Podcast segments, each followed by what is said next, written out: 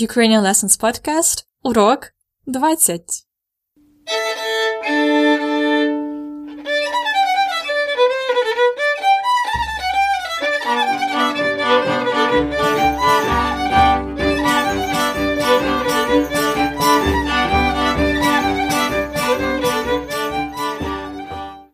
Привіт! Це Анна, ваша вчителька української. Як у вас справи? У мене чудово. I'm excited to begin episode 20 today. For the last 10 episodes at Ukrainian Lessons podcast, you could learn and practice some Ukrainian for the basic communicative situations like ordering food and drinks, talking about your hobbies, getting and giving directions, asking for a phone number. If you missed one of those lessons or if you feel like you need more practice, you can always go back and listen to the episodes again. Also, what you can do is study the extra materials we offer. And these are three to five pages PDF guides with exercises specially designed for our podcast course. And the flashcards with audio and pictures that help you to get all those words we mentioned during the episodes stuck in your head. In fact, I'm so happy we are in the middle of the series now that I offer you a 20% discount on a premium membership which will be valid for one week from the release of this episode. You can find the discount code and the link to premium membership at ukrainianlessons.com slash episode 20. Today's lesson should be challenging and fun. We are going to review some words and phrases you've learned for the last 10 episodes, and you will also have the opportunity to learn more about me and about Kyiv, capital of Ukraine. Почнімо. Let's start. Today I want to tell you about моє улюблене місто і моє улюблене місце. Sounds the same? Here is a trick. In Ukrainian, місто, M-E-S-T-O, is a town, a city. And місце, M-E-S-C-E, is a place. Місто, місце. Today I will tell you about both my favorite city and place. Listen carefully. There will be many words you know and maybe many you don't know. But you don't need to know the whole dictionary to understand and communicate. Listen to me as I tell you about моє улюблене місто slowly. Okay? Добре? Моє улюблене місто в Україні Київ. Ой, ні. Моє улюблене місто у світі Київ. Києву 1534 роки. Це гарне, комфортне і дешеве місто. Якщо у Києві тепла погода, можна гуляти, кататися на велосипеді, навіть танцювати бугі-вугі у парку. А коли холодно чи йде дощ, Мені подобається сидіти в кафе, слухати музику і пити чай, каву чи какао. У Києві також є дешеві ресторани. Борщ і вареники в пузатій хаті коштують всього 40 гривень, тобто 2 долари. Центральна вулиця в Києві Хрещатик. Мені подобається Хрещатик. Але моє улюблене місце в Києві це Поділ. Туди можна їхати на метро, на станцію метро Контрактова площа або Поштова площа. Якщо ви біля метро Контрактова площа, поверніть ліворуч, знову ліворуч, ідіть прямо. Після перехрестя праворуч є моє улюблене кафе Living room. Ще раз. Станція метро Контрактова площа. Ліворуч, ліворуч, прямо, праворуч. Побачимось там. А ви любите Київ? Яке ваше улюблене місто? Now I will tell you the same, a bit faster, with natural speed, and after we will check what you could understand. Okay? Добре? Моє улюблене місто в Україні Київ. Ой ні, моє улюблене місто у світі Київ. Києву 1534 роки. Це гарне, комфортне і дешеве місто. Якщо у Києві тепла погода, Можна гуляти, кататися на велосипеді, навіть танцювати бугі-вугі у парку. А коли холодно чи йде дощ, мені подобається сидіти в кафе, слухати музику і пити чай, каву чи какао. У Києві також є дешеві ресторани. Борщ і вареники в пузатій хаті коштують всього 40 гривень, тобто 2 долари. Центральна вулиця в Києві Хрещатик. Мені подобається Хрещатик, але моє улюблене місце в Києві це Поділ. Туди можна їхати на метро, на станцію Контрактова площа або Поштова площа. Якщо ви біля метро Контрактова площа, поверніть ліворуч, знову ліворуч, ідіть прямо. Після перехрестя праворуч є моє улюблене кафе Living Room. Ще раз. Станція метро Контрактова площа, ліворуч, ліворуч, прямо, праворуч. Побачимось там? А ви любите Київ? Яке ваше улюблене місто? Alright, that was a long story. I hope you enjoyed it. I hope you enjoy listening to Ukrainian language. Now I have seven questions for you. I will ask you and leave you some space to answer aloud or to think it over. Let's start. Питання 1. Скільки років Києву? Well, this topic wasn't actually on the podcast before, so let me translate it for you. Скільки років Києву? How old is Kyiv? Or literally, how many years are for Kyiv? So, скільки років Києву?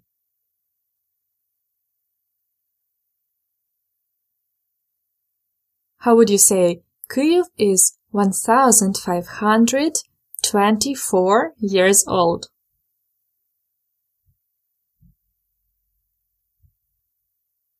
Києву 1534 роки.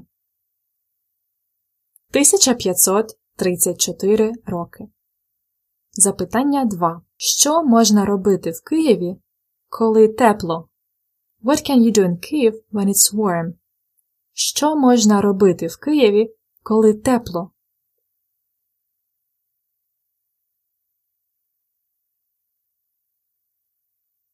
How do you say in Ukrainian, when it's warm, you can walk, ride a bicycle and dance in the park? Коли тепло, можна гуляти, кататися на велосипеді і танцювати в парку. Or you can say, коли у Києві тепла погода, when the weather is warm in Kyiv, можна гуляти, кататися на велосипеді, танцювати в парку. Запитання 3. Що можна робити в Києві, коли холодно?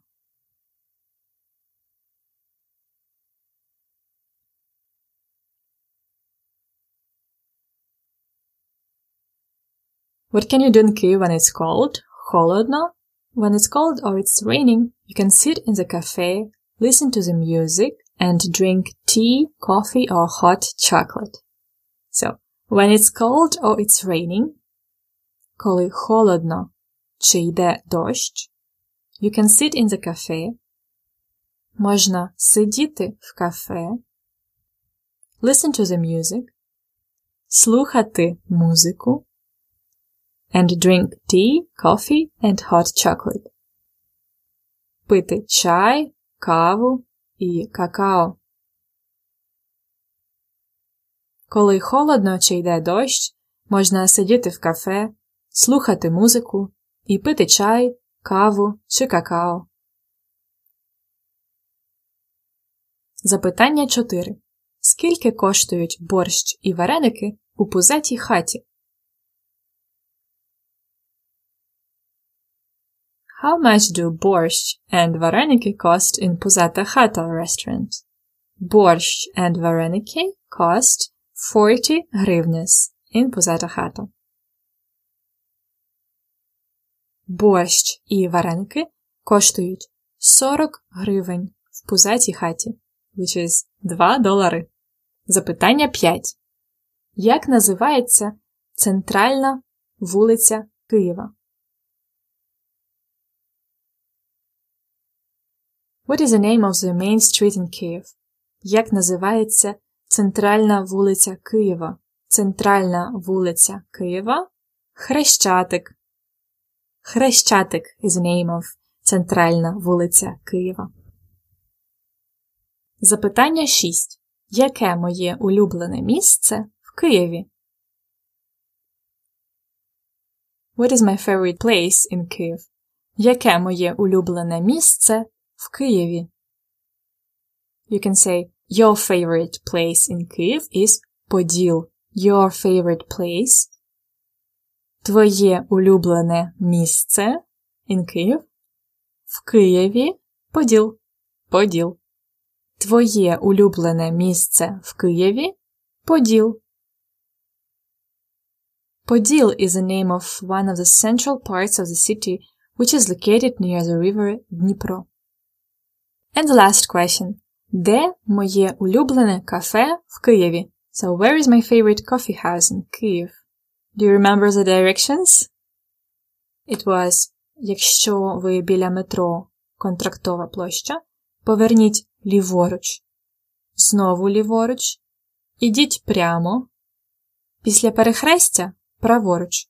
Є моє улюблене кафе. Living room. Ще раз. Станція метро Контрактова площа. Metro Station Контрактова площа. Ліворуч. Left. Ліворуч. Left. Прямо. Go straight. Після перехрестя праворуч. After the intersection. On the right. Є моє улюблене кафе. There is my favorite cafe. Living room. It is called living room. Try to find it. I said, побачимось там. See you there. But first, listen to my story again to make sure you understand most of it now. I will tell it in the medium natural speed. Моє улюблене місто в Україні Київ. Ой ні, моє улюблене місто у світі Київ.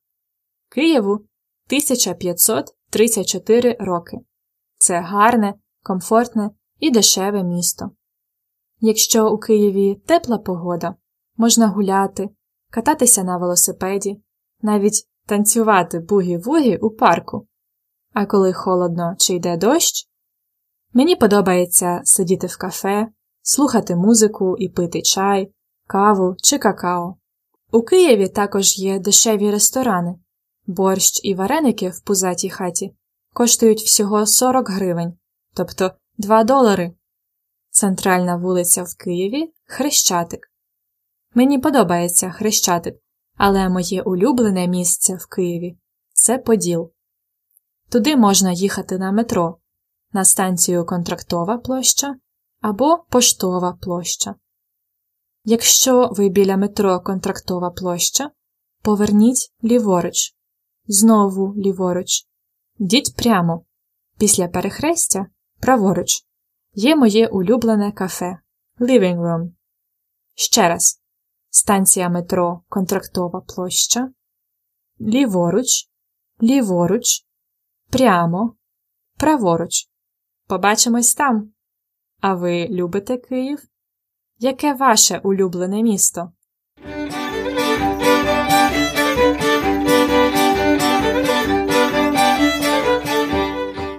So, яке ваше улюблене місто?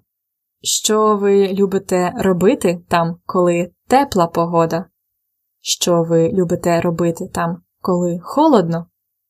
Як називається центральна вулиця? Яке ваше улюблене місце? Яке ваше улюблене кафе? Tell us your story. Write us about your favorite town or city in the comments at ukrainianlessons.com slash episode 20. Include your email and as a reward, we will send you the PDF lesson notes to this lesson for free.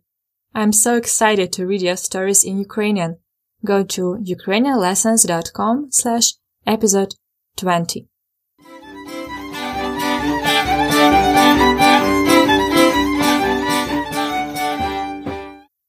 Cultural info at Ukrainian Lessons podcast. To finish my praising story of Kiev, let me tell you more about its name and about the history and discussions about the name of the capital of Ukraine. By the old legend found in the old historical sources, Kyiv was founded by a family of three brothers, Kyy, Shcheg, Khoriv, and their sister, Libit, because Kyy was Starshий brat, the oldest brother. The settlement was called after him, Kyiv. In Ukraine, in Ukrainian, we say Kyiv, and we prefer to spell it in Latin as K-Y-I-V, Kyiv. The Latin spelling of the capital of Ukraine like this was approved by Ukrainian governmental law. However, you might have seen that many foreigners, including the leading words media, spell Kyiv as Kiev, K-I-E-V, which is a transliteration of the name of the capital of Ukraine in Russian, Kiev. Why did it happen? Well, it's quite obvious, because in the 19th century and in the most of 20th century, when the international mass media was developing very fast, Ukraine was almost always under the control of the Russian Empire and then Soviet Union. So of course the name of the city was spelled based on the Russian language as Kiev. Sure, now it's too difficult to change something that all the world recognizes as Kiev. Still, Ukrainian speakers like me, like the most popular Ukrainian newspaper in English, Kyiv Post, and like the official translators of the governmental documents in Ukraine, prefer to spell it Kyiv, and we hope in time to influence the rest of the world, although the process might be soft and slow. So why don't you start using Kyiv from now?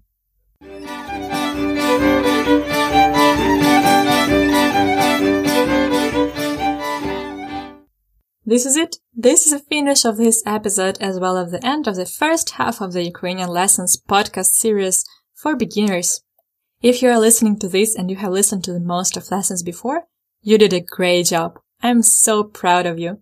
I'm sure you improved and now you have a great basis for visiting Ukraine and for the future lessons. During the first lessons, I tried to teach you mostly useful phrases and basic vocabulary for the communication. I tried not to overwhelm you with grammar.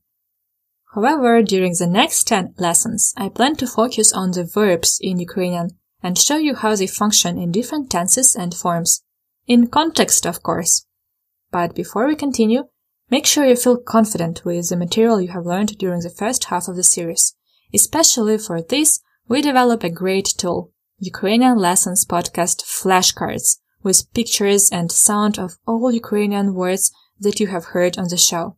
Also, the PDF lesson notes of this episode include three great exercises that will give you more practice of what you have learned for the last 10 episodes. The flashcards and lesson notes are available for our premium members. Let me remind you that to celebrate the 20th episode of the series, we offer 20% discount for the premium membership. It will be valid until December 7th, 2016. To get the code for the discount and learn more about the premium membership, go to ukrainianlessons.com slash episode 20. ukrainianlessons.com slash episode 20. До наступної зустрічі! See you next time!